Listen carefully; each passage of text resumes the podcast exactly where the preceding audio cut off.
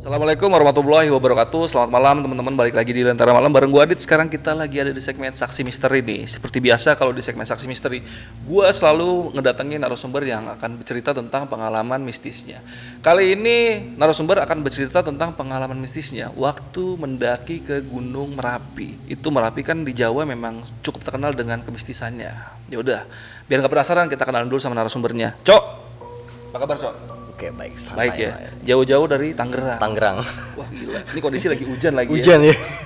Perjuangan yang sangat effort banget nih buat nge-share cerita ke teman-teman antara malam. Masih banget, makasih banget nih cowok lu udah mau datang ke sini. Ini kejadiannya lu ngedaki ke Gunung Merapi tahun berapa cok? Tahun 2015. Tahun 2015. baru itu. Boleh cerita sedikit nggak kisi-kisi tentang cerita lu ini? Oke, sebenarnya itu pendakian pertama gue. Langsung ngedaki Gunung Merapi sama teman-teman gue. Nah, di situ pengalaman pertama mendaki gue ketemu sama ya asumsi gue ya ini dua orang makhluk halus yang emang sangat-sangat aneh banget menurut gue di saat pendak jalur pendakian maupun di pasar bubrahnya. Oh jadi lu ketemu sama dua pendaki yang asumsi lu ya? Ini ini bukan ngeklaim ya. Kira-kira menurut lu itu kemungkinan besar makhluk gaib ya? Hmm, Karena mungkin lu ngelihatnya kayak ada keanehan-keanehan yang lu Banyak rasain saat banget. ketemu dia ya? Banyak banget keanehannya, banyak banget. Udah, buat kalian yang penasaran, tonton video ini sampai habis. Dan gue mengingatkan lagi nih, si Aco ini juga punya usaha desain ya, Coy ya? Iya. Desain grafis sama percetakan ya? Iya, iya. ah. Dan kalau teman-teman butuh jasa desain grafis atau percetakan, boleh kontak-kontak si Aco nih. Co, Instagramnya apa, Co? at senja.official.2019 Oke, oke. Nanti mampir-mampir aja, linknya gue taruh di deskripsi. Yaudah, biar nggak usah kelamaan openingnya, sebelum kalian dengar ceritanya, kalian tonton dulu intronya.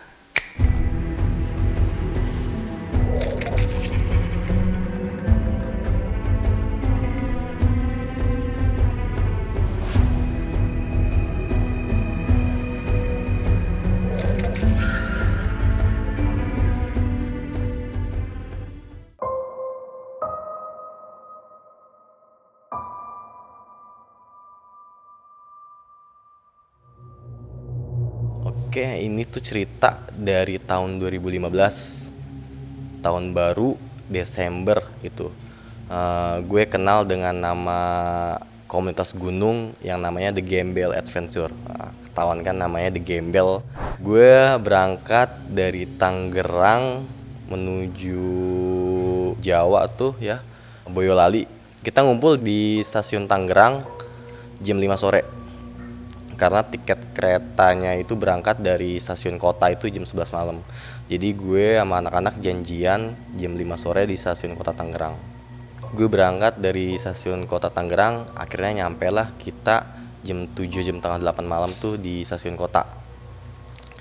Nah di stasiun kota kita ngopi, kita ngobrol segala macam, pengalaman, tukar pikiran, bercanda sambil nunggu waktu berangkat ke daerah Jawa gue berangkat jam 11 malam sebenarnya nggak langsung tujuannya Boyolali karena kita kehabisan tiket kereta. Jadi gue berangkat dari stasiun kota nyampe di Kutoarjo nyampe Kutoarjo akhirnya karena semuanya bersebelas ini tuh teman The Gembel Adventure ini tuh baru pertama kali nih ngedaki gunung ke daerah Jawa semuanya. Dan gue satu-satunya orang yang baru pertama kali dicekokin naik gunung dan langsung nyobain merapi dan itu ya nyebelin sih sebenarnya. Eh, akhirnya kita kayak orang kegirangan nyampe ke Kutoarjo kita sarapan segala macem ngopi ngeteh nyusu skip skip kita berangkat dari Kutoarjo akhirnya kita nyewa angkot. Kita mutusin buat ke Malioboro kita nyantai dulu. Skip nyampe Malioboro kita have fun foto-foto hunting segala macam akhirnya setelah puas baru kita berangkat lagi ke Boyolali. Dari Malioboro kita naik bis ke arah Kertasuro ini yang gue senang sama budaya orang Jawa. Di saat itu semua tuh kita nggak ada yang tahu jalan. Ada bapak-bapak sama ibu-ibu yang berani nganterin kita di bis ngarahin buat ke Boyolali Padahal mereka tuh ibu-ibu sama bapak-bapak itu tujuannya bukan di situ. Nah, di situ gue senang sama budaya Jawa. Sangat-sangat ramah sekali gitu. Nah, akhirnya nyampe di Kertasuro, kita naik bis minibus lagi ke terminal Boyolali.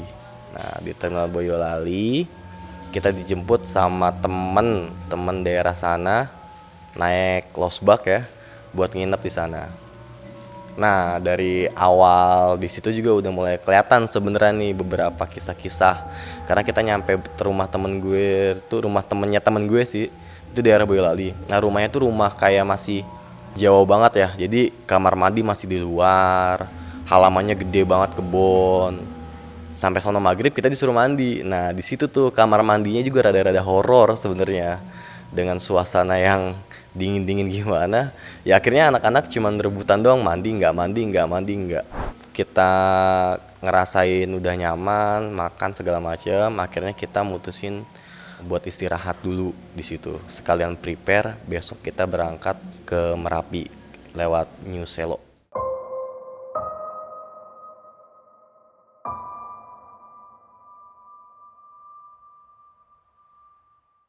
jam 6 pagi kita udah pada bangun semuanya. Dari subuh tuh udah pada bangun jam 6 udah prepare segala macem.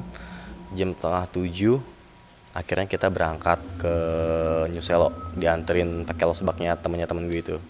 Nah di jalan sempat cerita-cerita tentang pasar bubrah.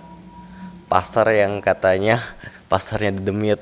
Di situ anak-anak cuma ketawa ketiwi. Kayak anggap aja lelucon-lelucon yang ya biasa lah gunung semua gunungnya pasti ada yang penting kita sopan aja. Tapi di situlah awal mulanya kayaknya jadi petaka nih buat kita karena terlalu ngegampangin gitu. Skip akhirnya kita nyampe di base campnya Barameru. Nah di sana kita ketemu sama orang-orang base campnya. Kita ngomong kita mau naik. Dek ternyata nggak boleh naik. Pendakian tahun baru tanggal 1 tanggal 1 Januari itu udah tutup. Pendakian terakhir tuh tanggal 30 Desember bingung anak-anak mau ke mana. Kita udah jauh-jauh dari Tangerang. Udah ini masa nggak bisa naik? Akhirnya nego nego nego nego. Ya boleh dengan catatan ya para pendaki yang udah di atas turun semua baru kita boleh naik. Bingung juga ya gimana ya? Pengen cepet-cepet naik tapi nggak bisa. Apa kayak merapi itu udah di depan mata udah manggil. Gitu. Udah buat kita ya nikmatin alamnya ya. Akhirnya oke deh kita setuju deh. Kita setuju kalau kita bakal nungguin pendaki yang di atas turun dulu baru kita naik deh. Bete kan pasti ya nungguin dari pagi jam 9, jam 10, jam 11 kok nggak ada yang turun-turun juga. Jam 12, jam 1 nah gue akhirnya sama beberapa temen berani ngobrol lagi bang udahlah boleh naik lah. Masa nggak boleh? Kita jauh-jauh dari Tangerang. Masa nggak boleh naik sih? Ya kan dengan logat Jawa nunggu dulu lah ntar pendaki turun ayo lo bang apa apa akhirnya kesel kali ya ditanyain mulu. Diusir akhirnya gue sama teman-teman. Udah kalau nggak mau nunggu kalau nggak mau sabar mending balik aja sono. Kalau nggak naik merbabu sono gitu. Wah nggak mungkin juga kan? Pikiran gue sama anak masa ke merbabu orang naiknya merapi kok?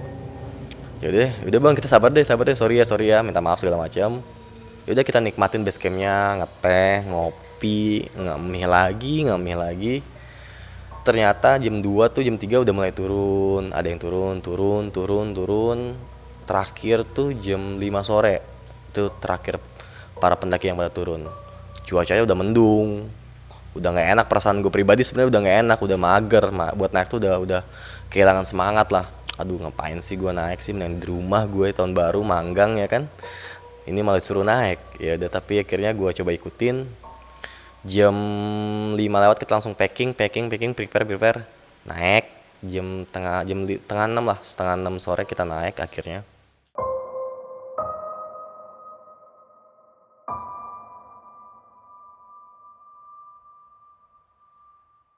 Dari base camp nyampe di New Selo tuh bentar sih sebenarnya dari base camp New Selo tuh bentar. Cuman kita kebanyakan bercanda dan di New Selo kita hunting foto lagi.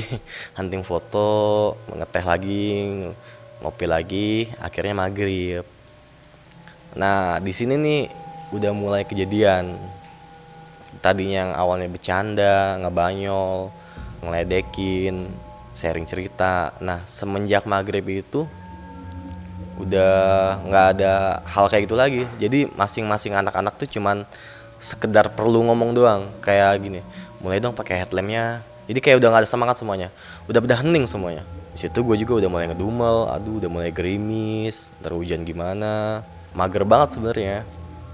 Akhirnya ya udahlah kata yang dituakan lah di kelompok itu ayo kita berangkat dengan sistem berbaris lah maksudnya kayak ular gitu. Jadi saat di depan siapa berangkat ke belakang.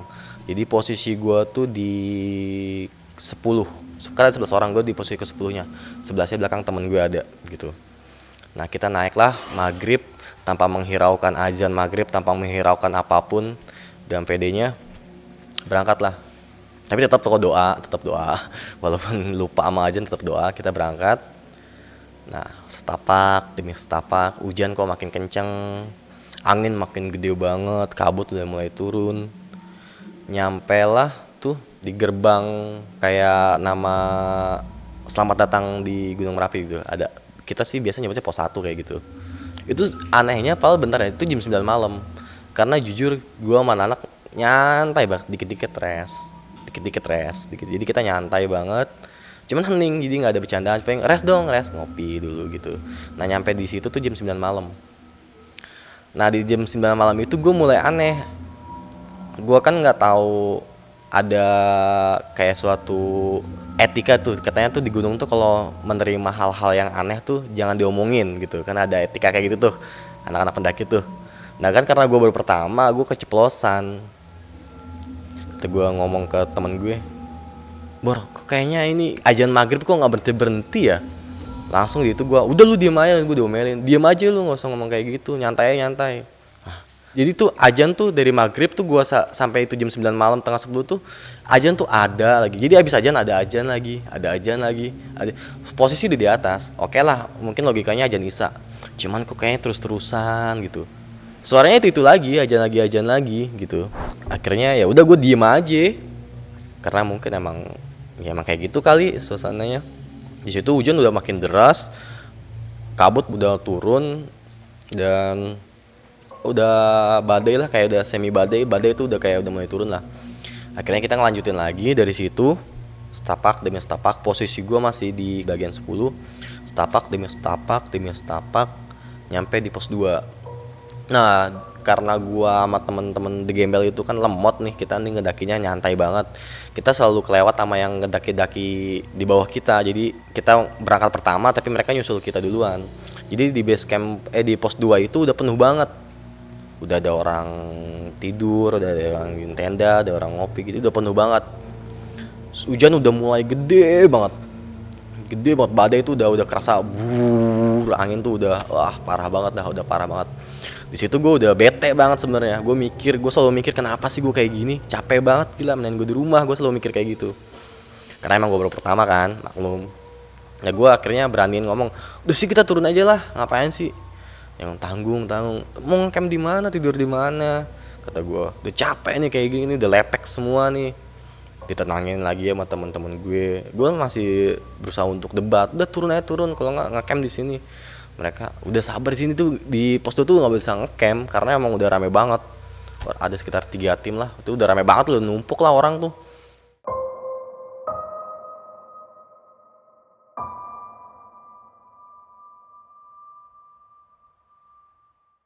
akhirnya gua ngalah kita prepare di situ pakai jas hujan peralatan safety pokoknya disiapin deh semuanya.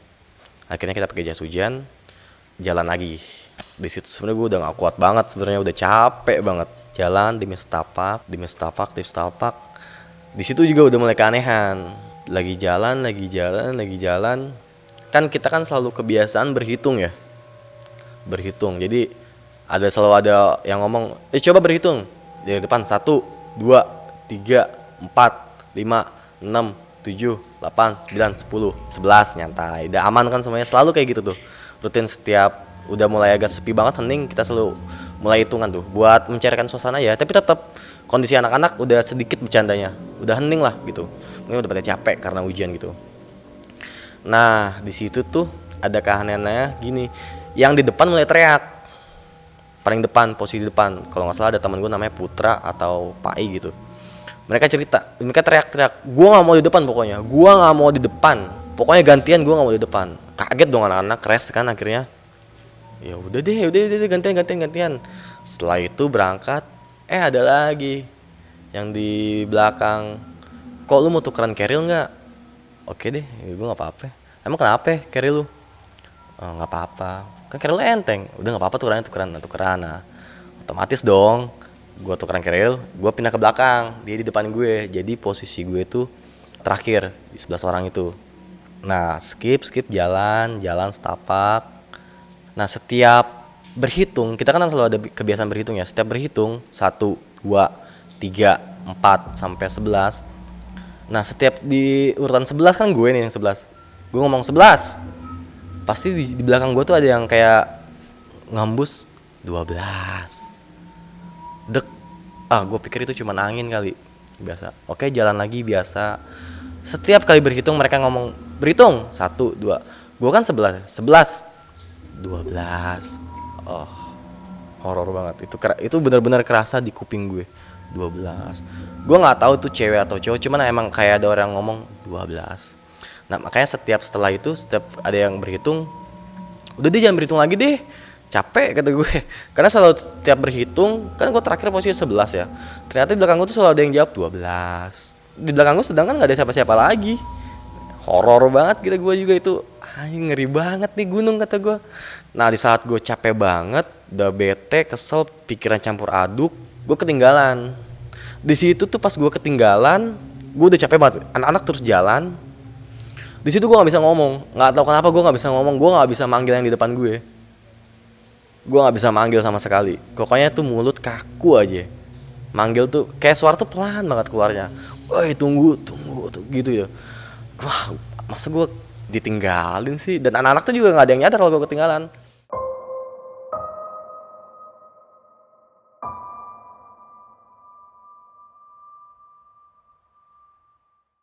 Akhirnya setelah beberapa menit ya gue akhirnya ada inisiatif gue kan megang priwit nih anak-anak tuh ada priwitan biasanya. Dan gue pakai priwit nih priwit akhirnya. Priwit priwit priwit priwit. Akhirnya nggak selama berapa menit akhirnya nyampe juga balik lagi. Nyampe di situ akhirnya kita mutusin buat rest tuh di situ. Jadi masih jarak antara pos 2 dan pos 3 masih di tengah-tengah. Jadi kita setelah gue ketinggalan anak-anak mutusin rest sekedar ngopi, sekedar ngeteh, walaupun pakai teh yang di termos disiapin udah agak dingin, kopi udah agak dingin, ya kita nikmatin aja lah. Akhirnya udah ready ya kita udah siap kita berangkat lagi, berangkat karena hujan juga udah mulai reda. Tapi badai masih terus, badai masih terus. Wah, angin tuh kencang banget parah. Itu gue nih pakai baju kaos, sweat, uh, crew neck kayak sweater gitu, jaket, jas hujan itu masih kerasa dingin ya. Parah banget. Habis itu jalan jalan. Kita mutusin rest lagi tuh. Masih di dikit lagi nyampe pos 3 lah. Kita ngeres lagi karena ada yang minta rest ya kan? Capek. Nah di sini kocak banget temen gue. Parah. Satu temen gue kocak. Jadi kan ada temen gue namanya tuh si Pai lagi nyender. Eh si Edo. Edo lagi nyender. Edo Edo lagi nyender di sebuah batu gede gitu. Nah temen gue tuh namanya Galang malah baca gini setelah hilangnya sahabat kami wah anjir kaget semuanya. Kita ngeres di petilasan. Wah kacau. Di situ udah parno semuanya. Gila naik nih naik naik naik. Nah kita lagi prepare lagi nyiapin buat naik lagi. Tiba-tiba tuh dari arah semak-semak gue nggak tahu tuh ya. Pokoknya bukan dari jalur pendakian gue. Dari jalur kita nih jalur pendakian anak-anak di gembel. Tuh muncul dua orang. Nah di sini udah mulai parah. Dua orang cuma pakai kemeja pakai kaos celana pendek pakai sandal jepit pakai daypack itu gue ingat banget dua orang. Gitu dua orang pandangan kosong biasa aja sih. Mereka lewat misi ya? Iya. Dari mana emang mas? Gue tanya kan anak dari Solo. Ini dari mana? Dia dia nanya juga kita dari Tangerang. Oh dari Tangerang. Misi ya mas ya. Akhirnya dia lewat. Di situ anak-anak nggak mungkin ngerasain keanehan cuman karena saking capeknya nggak nggak terlalu dihiraukan. Nggak terlalu dihiraukan. Jadi ya biasa aja. Cuman yang gue perhatiin tuh dua orang itu langkahnya napak sih napak. Cuman kayak nggak napak jadi cepet banget. Kan posisinya kan itu kan gue ngeres itu kan udah agak datar cuman agak agak naik. Kan ke ke sananya lagi tuh lebih naik lagi. Yang gue aneh kalau kita aja ngera ngedaki itu kan udah licin ya kita ngerangkak. Jadi kayak semi jongkok lah sambil naik gitu ya sambil megang apa gitu gitu gitu. Nah mereka tuh tetap diri. Naik tak tak jadi kayak cepet banget gak naiknya?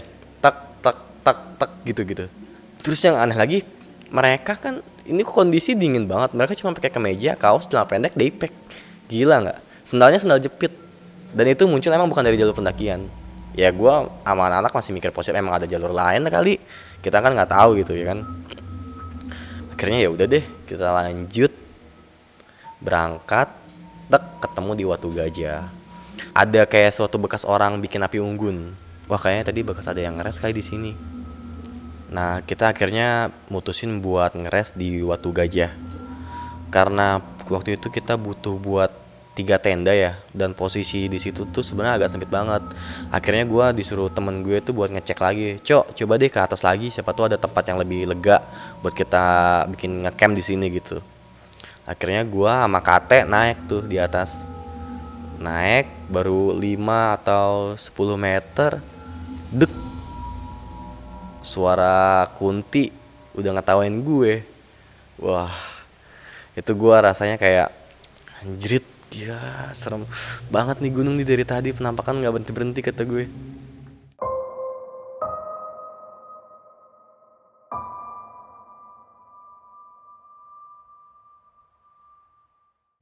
Habis itu gue ngomong ke temen gue, teh lanjut teh, lu lanjut nggak? Turun aja yuk, turun yuk.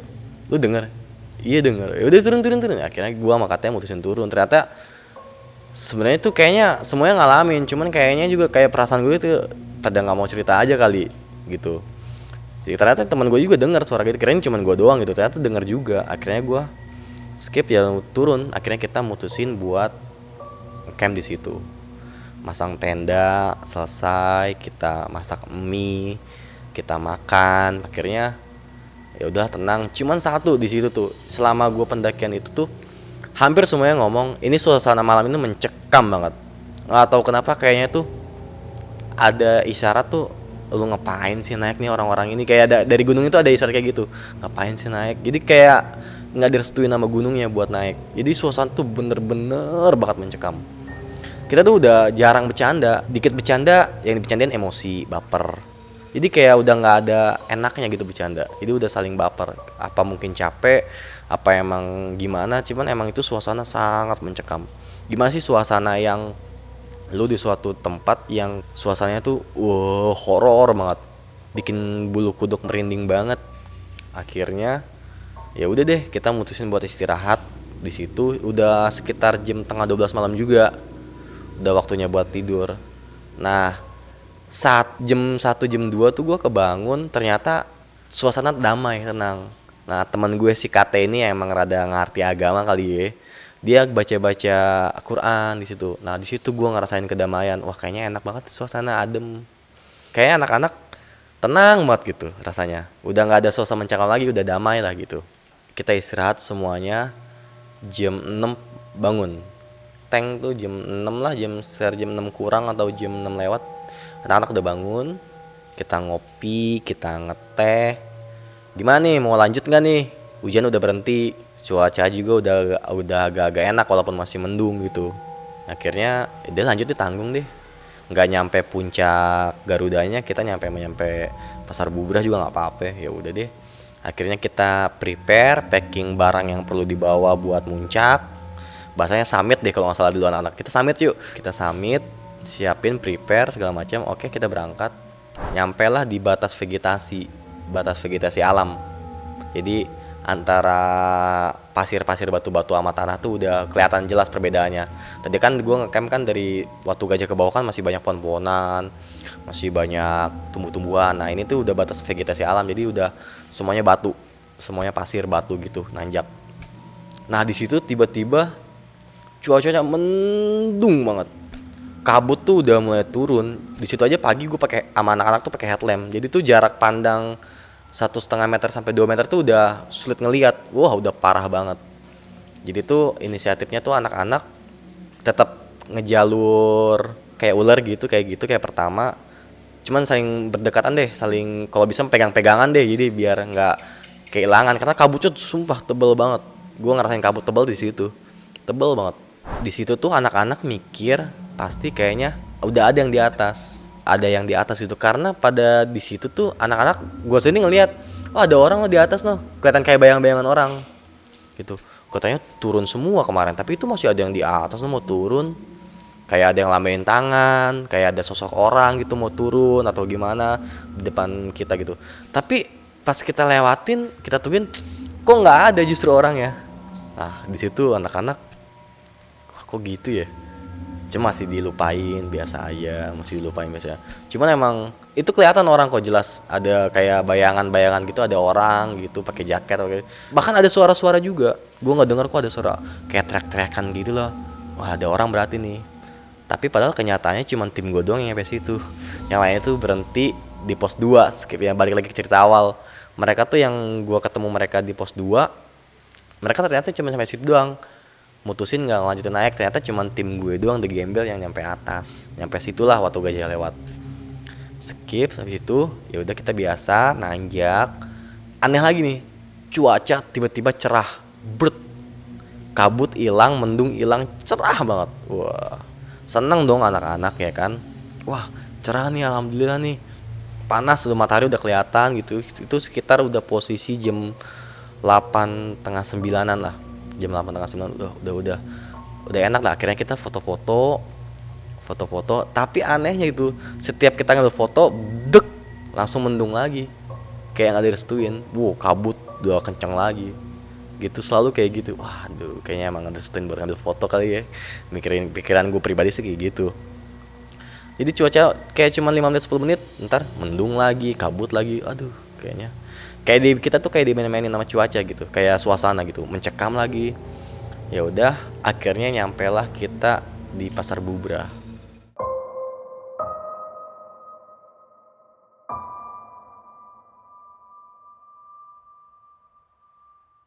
Nah, di Pasar Bubrah itu gue ketemu sama dua orang pendaki yang kemarin di jalur pendakian ketemu. Di situ udah rada aneh juga nih kata gue. Mereka duduk, eh, bukan duduk sorry, doi itu jongkok di samping petilasan. Jongkok, posisinya sama pakaiannya, pakai kemeja, pakai kaos. Cuman bedanya tuh kaki mereka tuh dibungkus pakai kantong asoy. Eh, kita sapa dong, ya kan. Eh mas di sini, iya di sini ngecamp di sini mas iya di sini aja ngecamp bawa tenda enggak hah kaget dong ngecamp nggak bawa tenda. Emang nggak kedinginan mas? Enggak mas. Kita di sini aja. Cuma yang gua aneh tuh gitu setiap dia tanya tuh ngejawab emang ngejawab. Cuman tatapan matanya tuh kosong banget selalu pandangnya tuh lurus ke depan. Nggak mandang gue kosong banget mereka juga udah nggak nanya balik enggak cuman kita tanya mereka jawab. Cuman iya mas. Iya kak. Akhirnya anak-anak sibuk foto-foto gantian yang ngobrol sama doi. Doi itu diajak foto juga nggak mau bang foto yuk bareng. Enggak mas gitu. Akhirnya ya udahlah kita selesai boros foto-foto walaupun cuaca agak ekstrim akhirnya kita mutusin buat turun. Ya turun yuk turun turun. Nah gua sama anak inisiatif dong ngajak bang turun yuk. Enggak bang kita di sini aja nungguin temen. Nungguin temen? Bang ntar ini dikit lagi kabut turun parah deh.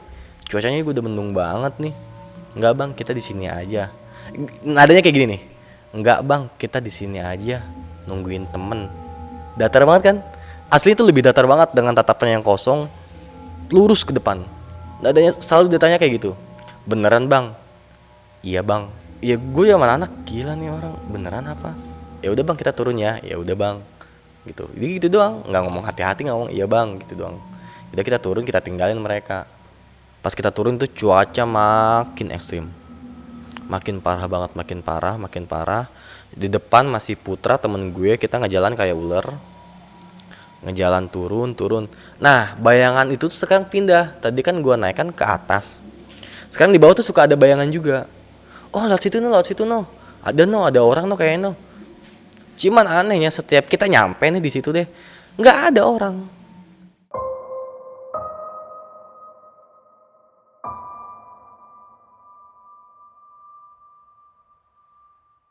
kita akhirnya ngeres di cuaca ekstrim itu di bawah batu. Batu gede banget. Batu gede banget di situ. Jujur aja karena kondisi udah nggak kuat semuanya gue pribadi juga ngerasa wah kayaknya gue mati kedinginan di sini. Karena emang jujur kita nggak ada yang pakai jas hujan pakai jaket doang sweater gitu kebanyakan. Ya udah itu udah lepek udah dingin banget udah beku banget semuanya. Sampai ada temen gue tuh dibakar pakai korek tangannya karena udah dingin banget sama teman gue yang satu lagi itu cewek. Karena satu orang cewek yang ikut pendakian waktu itu. Karena udah dingin banget akhirnya kita diem aja di batu semuanya diem. Semuanya diambang kematian kali ya. Wah udahlah udah udah saatnya karena napas juga udah susah. Napas juga udah susah saking dinginnya. Dada ketusuk-tusuk kulit tuh ketusuk-tusuk itu saking dinginnya.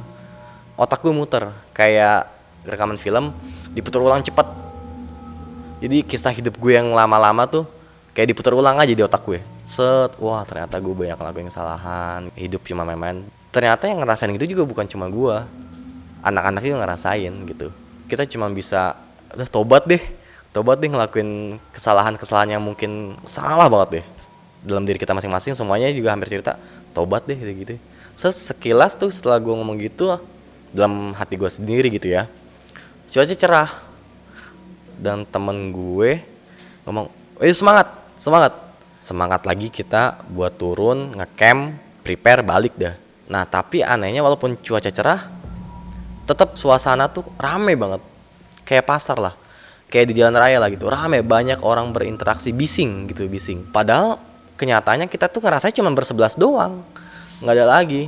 Nah di situ anehnya kita ngerasa kayak banyak teman-teman pendaki lain, tim-tim lain, cuman kok kayak nggak pernah ketemu muka gitu, anehnya kayak gitu.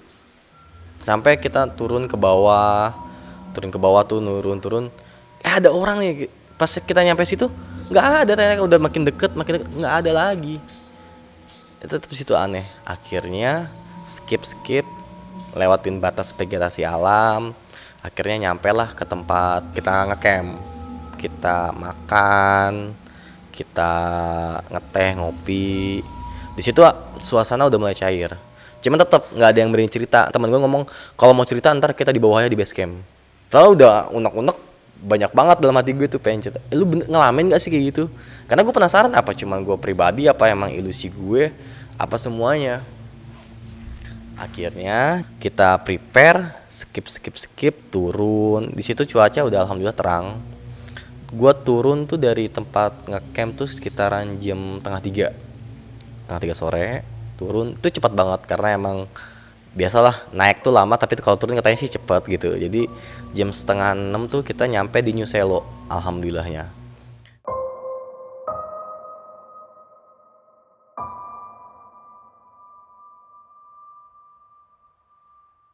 Karena warung buka kita ke warung pesan mie loh mas orang warung nanya baru turun mas? Iya. Emang ngecamp di mana? Di Watu Gajah oh terus nggak kenapa-napa kayak nggak kenapa-napa mas. Ya ngalamin sih bu. Ibu warung itu juga kaget tuh. Sebenarnya mas pendaki yang lain tuh udah pada turun pagi-pagi. Jadi mereka tuh cuma sampai pos 2 mereka tuh udah pada turun. Di situ anak-anak kerasa anjrit berarti semalam tuh apa ya? Terus gue cerita lah ke ibu-ibu warung gue cerita dua orang itu bu ada nggak ciri-cirinya kayak gini gini gini gini gini? Nggak ada mas kayak nggak ada deh.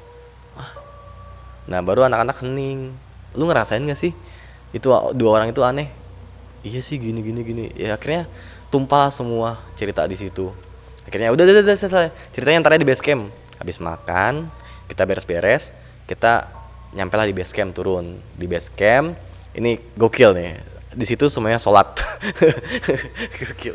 Karena emang mungkin dapat pengalaman serem kayak gitu terus pengalaman pribadi spiritual gitu sholat yuk eh, udah, udah sholat semuanya sholat sholat beres-beres. Nah di base camp gue ketemu sama pendaki-pendaki yang di pos 2 gitu. Mereka masih ada di base camp nginep gitu. Loh ini bukannya lu yang di pos 2 ya? Emang gak naik lagi? Enggak bang. Di sini tuh nggak ada yang naik lagi. Cuman tim abang doang. Ah masa sih? Gue cerita ya. Gue tuh ketemu bayangan orang lo banyak bang enggak nggak ada yang ngedaki lagi penasaran dong gue masa sih? Akhirnya gue nanya ke orang base camp tuh masih ada orang base camp tuh belum pada balik tuh. Maghrib gue nanya sama temen gue tuh ciri-ciri dua orang itu. Pakai kemeja pakai kaos pakai sandal jepit gue nanya bang ada nggak dua orang yang naik ciri-cirinya pakai kemeja pakai kaos pakai sandal jepit doang pakai daypack nggak ada. Yang naik tuh cuman kayaknya tuh empat lima tim doang jadi semuanya juga rame ada tim tim gua The Gembel ada tim lain empat sisanya gitu. Nggak ada yang berdua masa sih bang? Ya kayak gue cerita kita ngalamin pengalaman gini bang. Kita ketemu dua orang yang aneh banget yang pandangannya kosong. Ternyata iya mas emang biasanya di petilasan emang sering kayak gitu. Oh gitu.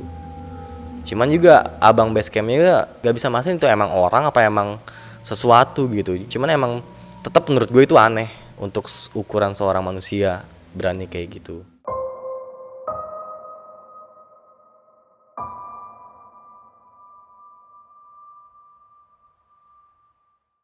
akhirnya kita sharing lagi ke basecamp sama teman-teman yang lain. Sama teman-teman The Gembel juga kita sharing. Lu kenapa sih tukeran Keril? Ternyata pas dia ngajakin tukeran Keril itu Keril dia tuh berat banget. Jadi kayak ada orang yang dudukin. Oh di situ baru kebuka. Pantesan lu minta tukeran sama gue. Iya gue pakai Keril dia biasa aja. Cuma pas dia pakai Keril dia tuh kayaknya berat banget oh gitu. Mungkin itulah yang ada istilahnya didudukin sama sesuatu lah gitu. Nah lu kenapa tuh pas teriak-teriak di depan? Nggak mau di depan nggak mau gue nggak mau di depan gantian marah-marah kayak gitu. Ditanya sebenarnya gue tuh teriak tuh karena gue karena di depan posisi nanjak headlamp kan ke atas kita ngeliat ke atas. Nah dia tuh pas lihat ke atas itu selalu ada yang loncat-loncat antara pohon ke pohon dek dek dek wah merinding. Makanya dia spontan teriak kaget nah gue juga akhirnya cerita.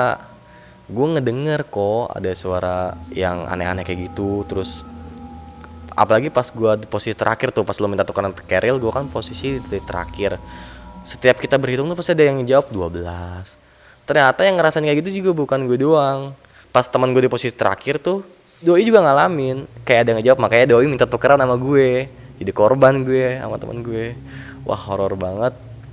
Abis itu nah terakhir yang ajan ternyata tuh emang yang pas ajan itu hampir semuanya ngedenger. Ajan itu tuh selalu saut-sautan. Jadi ajan selesai. Ntar ajan lagi. Gue mesti nih. Gue dengerin sampai selesai. Ntar ada ajan lagi. Selama perjalanan dari maghrib itu sampai jam 9 tuh di gerbang merapi itu masih ada pas gue cerita gitu. Ternyata bukan gue doang. Makanya waktu itu gue diomelin sama temen gue udah nggak usah cerita. Karena emang semuanya ngalamin gitu. Ya itulah pengalaman yang sebenarnya nggak bisa gue lupain sampai sekarang karena emang itu untuk anak-anak The Gembel sendiri 180 derajat bisa ngerubah hidupnya. Satu lagi juga buat gue pribadi karena pertama ya gue ngerasa wah ini pengalaman yang sangat berharga banget gitu. Nagih akhirnya gue nagih akhirnya naik gunung. Akhirnya pengen lagi. Akhirnya kita mutusin untuk nginep di base camp lagi sambil bercanda sama teman-teman yang lain sama pendaki-pendaki lain. Kita sharing cerita lagi kita ngajalin saudara lagi. Ya udah kita istirahat di situ tidur di situ. Besoknya baru kita mutusin buat pulang ke Tangerang. Eh, sekian cerita dari gue. Mohon maaf mungkin kalau misalnya ada salah-salah kata atau salah-salah cerita yang nggak sesuai dengan versi kalian yang alamin mungkin bisa nambah-nambah pengalaman kalian juga. Pengalaman bagaimana attitude di sebuah gunung etika di sebuah gunung itu ke- karena alam bebas tuh juga ada penghuninya. Gue percaya kita di dunia tuh kebagi dua. Ada alam kita nih alam yang nyata dan ada alam mereka gitu. Jadi ya akhirnya gue percaya ada hal kayak gitu karena gue ngalamin sendiri gitu. Mudah-mudahan ada hikmah yang bisa teman-teman ambil dari cerita gue kurang lebihnya gue mohon maaf selamat malam wassalamualaikum warahmatullahi wabarakatuh Oke itu tadi cerita dari Bang Asko. Makasih banget nih Bang Asko udah share ceritanya di Lentera Malam nih. Kita ngobrol-ngobrol sedikit tentang cerita lu yang tadi ya. oke santai-santai Gua penasaran banget sama dua pendaki yang lu temuin saat di jalur sama pas lagi di eh, Pasar Bubra ya. Oh, bener. Itu kan lu udah nyebutin tadi detailnya pakai bajunya kemeja, ada kaosnya. Kema- Kaosnya gimana sebetulnya? Maksudnya Kemeja. eh, kaos biasa pakai kemeja gitu kaos Oh, kaosnya di dalam Nah, pakai kemeja kayak iya. panel gitu Iya, ya? kayak panel gitu ya, Iya, benar, celana benar. pendek, celana pendek pakai sandal jepit. iya ya. Dan pas di atas itu pakai pakai plastik asoy. Pakai plastik plastik asoy. asoy itu kayak gimana sih? plastik kresek biasa Plastik yang- kresek. yang, bisa buat Oh. bungkus makanan atau gue gitu iya, iya. aja Bahasa di daerah lu nyebutnya plastik asoy. Iya. Makanya bahasa gue agak kaget. Asoy itu apa? Asli. nah, untuk fisiknya lu udah jelasin tadi di cerita kan. Uh-huh. Cuman gue penasaran sama wajahnya nih. Wajahnya pas lu lihat itu pucet atau kayak gimana gitu? Bisa lebih detail lagi nggak dikit gitu? Oh, wajahnya udah pasti pucet, pucet. Gimana sih kayak orang sakit? Kayak orang sakit mukanya. Kayak orang sakit. Pas lagi itu apa pas lagi awal ketemu juga begitu? Dari awal ketemu. Dari awal gitu Jadi udah kan pas doi lewat nih kita kan eh, nyapa ya ya dia, dia juga ngomong sih misi misi mas cuman tetap eh, kalau orang lewat kan misi mas gitu ya. Iya, ada senyumnya ngeliat muka lah gitu ya kan. ada tangannya atau misi mas gitu apa Iya. gitu. Doi biasa misi mas. Tapi tetap padahal tetap lurus ke depan doi semuanya. Nggak nengok ke lu atau teman-teman lu? Enggak, enggak, biasa. dia ngeliat ke jalur aja? Ke jalur aja. Cuma misi mas. Padahal tetap kosong kayak gitu. Dan keluarnya dari semak-semak. Ya itu dia, gue juga nggak tahu apa emang itu jalur pendakian lain. gue dulu sama anak mikirnya juga mungkin jalur lain kali ya. Cuma emang keluarnya kayak dari semak-semak gitu. yang pasti lu dan teman-teman gak lewat jalur itu? Enggak lewat situ. Wah gila dia keluar dari situ dan lu tadi sempat cerita padahal saat itu kan kondisi lu lagi ngeres ya Oh, oh, oh. padahal setelah lu ngeres pas lu jalan lewat jalur si dua pendaki itu itu lu nggak bisa jalan dengan tegak ya Nggak bisa, bisa. harus agak sedikit merangkak atau ngebungkuk lah Ah, gitu iya, ya oh, bener bener tapi banget. dia jalannya kayak begini aja santai Oh iya, jadi misalnya kan ini posisi nih udah track nih. Dia jalannya gini tak tak tak tak tak tak. Cuman cepet banget. dengan serius. mudah gitu Dia- dia gampang banget gitu. Padahal pakai sendal jepit. iya. Kondisinya pun kan ber- beberapa kali kan hujan kan. Hujan, oh. Otomatis kan Becek. becek, Iya, licin. oh. Yang pakai sepatu aja belum tentu bisa. belum tentu bisa. Dia pakai sendal jepit, Sendal jepit. naik dengan tegak. Mm-mm. Itu udah lu udah ngerasain aneh di situ. Aneh cuman emang mungkin karena capek kita nggak mikir Panjang itu bodo amat lah gitu ya. bodo amat lah. Oh. Iya, iya. Dan kaget lagi ketemu di petilasan. Petilasan itu kayak gimana sih? Gua gua gua udah pernah naik Merapi, cuman gua agak-agak lupa sebenarnya karena tahun 2009 atau 2010 gua ke sana. Petilasannya kayak gimana sih? Eh, yang di pasar Bubra. Ini kayak kayak semacam kayak batu semen gitu yang tulisannya in memoriam gitu-gitu Oh, doang, tau nggak? iya, yang bentuknya segitiga atau gue juga gak lupa bentuknya kayaknya gede gitu. Terus tulisannya in memoriam sahabat kami gitu-gitu. Tapi itu dalam satu wilayah itu banyak itu itunya. Apa Waktu cuma itu satu satu doang? doang, satu doang. Oh, ada satu doang di situ. Oh, iya. Sebenarnya sih bu, eh, belum bukan kayak mau masuk pasar Bubra kan pasar Bubra kan di seberangnya lagi tuh yang ada pos. Nah itu gue di situ karena emang udah cuacanya itu udah parah banget jadi kita ya sebenarnya sih pasar Bubra juga sebutnya cuman di situ akhirnya gue berhenti ya udah pas landainya itu loh. Iya, iya, Di iya. situ. Dan lu ngeliat dia lagi kondisi jongkok. Nah jadi kan pas eh, petilasan madu kalau kita di depan petilasan depan kita tuh. Nah doi itu berdua tuh di sampingnya jongkok. Jadi madupnya tuh kalau misalnya ini petilasan nih, doi di sininya nih. Iya, iya, iya. Madupnya ke sono, lurus aja. Berarti membelakangi petilasan dianya. Samping petilasan. Samping petilasan Ini ya. kan ini petilasan nih. Ini ini gua nih jalan. Ini petilasan. Nah, mereka di sini nih, di sisi sebelah sini. Iya, iya, iya, iya. Tatapannya kosong dan Tetap mukanya kosong. pucet gitu. Tetap pucet gitu. gitu. Padahal bisa komunikasi ya, cuman Bisa. ya cuman agak aneh aja karena nada bicaranya datar. Datar ya. banget, datar. datar. Gila. Dan dia nggak pakai tenda, Enggak tenda. nggak bawa Justru tenda. Karena dia pun pakai depek Depek doang. doang, ya. heeh. Nggak ada tempat space buat naruh tenda nggak ada juga. tempat ya. sampai seperti tenda. Lu yang pas malam-malam itu ketemu kira-kira jam berapa sih? Itu jam sebelum gua bikin camp tuh jam tengah sebelas jam sebelasan lah. Sekitar jam segitu. Berarti dia sampai puncak, ah, bukan puncak ya, pasar Bubra itu ya mungkin lebih ya jam 12 jam satuan Iya. tanpa tenda, cuman diem di situ aja. Di situ aja. Nah, lu kan pas di awal cerita sempat dapat sedikit cerita tentang pasar Bubra. Itu dari siapa dan ceritanya apa sih yang lu denger tentang pasar Bubra itu? Waktu di base camp sih gue baru tahu tuh dari karena emang orang anak yang di situ nungguin juga memang pasar Bubra tuh pasar dedemit. Jadi sekumpulan katanya sih ya, gue Iya, juga nggak tahu eh, koreksi kalau gue salah. Yang gue tahu sih pasar Bubra itu pasar dedemit tempat berdemit-demit tuh bertransaksi gitu. Oh, iya iya iya iya. Makanya nggak tahu kenapa pas kita lagi mau menuju pasar Bubra tuh kerasanya kesannya tuh kan gue tadi juga cerita kayak rame banget, banyak orang berinteraksi gitu. Iya, iya. Padahal kayaknya cuma kita bersebelas deh. Iya, cuma tim gue doang. Cuman ya itu gitu. Boleh juga sih, serem juga sih pasar Bubra. Karena gue juga, gue dulu pas naik Merapi itu juga ngecampnya di pasar Bubra. Gue berempat dan temen gue, gue tiga cowok satu cewek. Temen gue sempet suges juga di situ karena kalau malam tuh kan anginnya kenceng juga Iya, kan. Gue itu tenda diobrak abrik. Nah temen gue ngerasanya itu bukan diobrak abrik sama angin tapi kayak ada yang makhluk Wah, yang, yang yang goyangin, goyangin gitu. tenda. Kalau kalian nggak percaya gue pernah naik Merapi, nanti gambarnya gue tampilin sini lah. Tapi gue masih kurus waktu itu ya, nggak segini badannya ya. itu tahun 2009 atau 2010 lah pokoknya gue naik sana. Dan pas lu turun kan lu sempat konfirmasi sama orang base camp ya, Mm, nanya ada nggak dua pendaki yang naik dengan eh, perawakan yang lu sebutin. Mm, Ternyata di base camp nggak ada. Nggak ada. Jadi tuh base camp tuh cerita cuma ada sekitaran lima kalau nggak salah. Jadi tim gue satu, sisanya empat orang tim dari Sukabumi, dari Solo, dari mana lagi gue lupa tuh. Mereka tuh empat tim itu cuma nyampe di pos 2 udah Sampai pos 2 doang. Iya. Dan rata-rata rame-rame atau berapa orang gitu kira-kira? kiraan 7 8 orangan ada yang 4 orang Iya, gitu, iya. gitu. lebih dari dua lah pokoknya Lebih dari dua pokoknya, nggak ada yang sampai dua orang gitu. nggak ada nyampe orang Dan basecamp juga konfirmasi nggak ada dua orang Nggak ada naik orang. pas lagi saat hari lu naik itu ya. iya oh. Atau mungkin teman-teman misalnya ada yang tahu, siapa tahu ya, Hmm, siapa tahu Gunung Merapi itu punya jalur ilegal, siapa tahu ya. Hmm. Kalian tulis di kolom komentar atau kalian pernah ketemu juga sama dua pendaki itu. Siapa tahu sama kayak yang dialami si Asco, coba tulis di kolom komentar. Sharing dikit lah tentang pengalaman kalian di Gunung Merapi ya kan. Sedikit lagi konfirmasi tentang yang dua pendaki itu. Hmm. Pas naik kan pakai sandal jepit ya. Pas lagi duduk jongkok itu udah dalam kondisi diplastikin pakai Iya. plastik aso itu. Iya, jadi sendalnya di- sama sendal sendalnya dibungkus Iya iya iya. Jadi masuk semua gitu. masuk semua. Iya, iya, jongkok kayak Itu gitu aja sih gue mau konfirmasi itu aja dikit. Sama itu kali ya, yang pas lagi lu jalan naik itu kan pas lagi di posisi di belakang, ternyata temen lu itu kan ngerasa tasnya itu dinaikin ya. carrielnya berat oh, oh bener Dia ngerasa berat banget carrielnya. berat banget Padahal hitungannya carriel lu sebenarnya lebih berat. lebih berat sebenarnya. Karena ada airnya. ada airnya oh. Dia malah lebih nyaman pakai carriel lu. iya Lu pakai gitu. carriel dia, tapi pas pakai carriel dia terasa enteng biasa. siapa berat karena berat emang pasti lebih berat dari carriel gua cuman gua masih kuat kondisinya masih Iya, masih iya. masih sanggup lah gitu Iya, iya. cuman em, yang pasti kan lebih beratan carriel gua kan. Cuman gua nyantai aja. Iya, senang-senang aja dikasih carriel kayak gitu. Cuman dia juga senang juga pakai carriel gua. Cuman kan akhirnya gua posisi gua di belakang. Iya iya iya. tapi satu lagi. Jujur ya jujur nih gue pribadi. Setiap gue cerita kayak gini sama orang pengalaman gue di merapi nggak tahu kenapa gue selalu merinding sampai sekarang.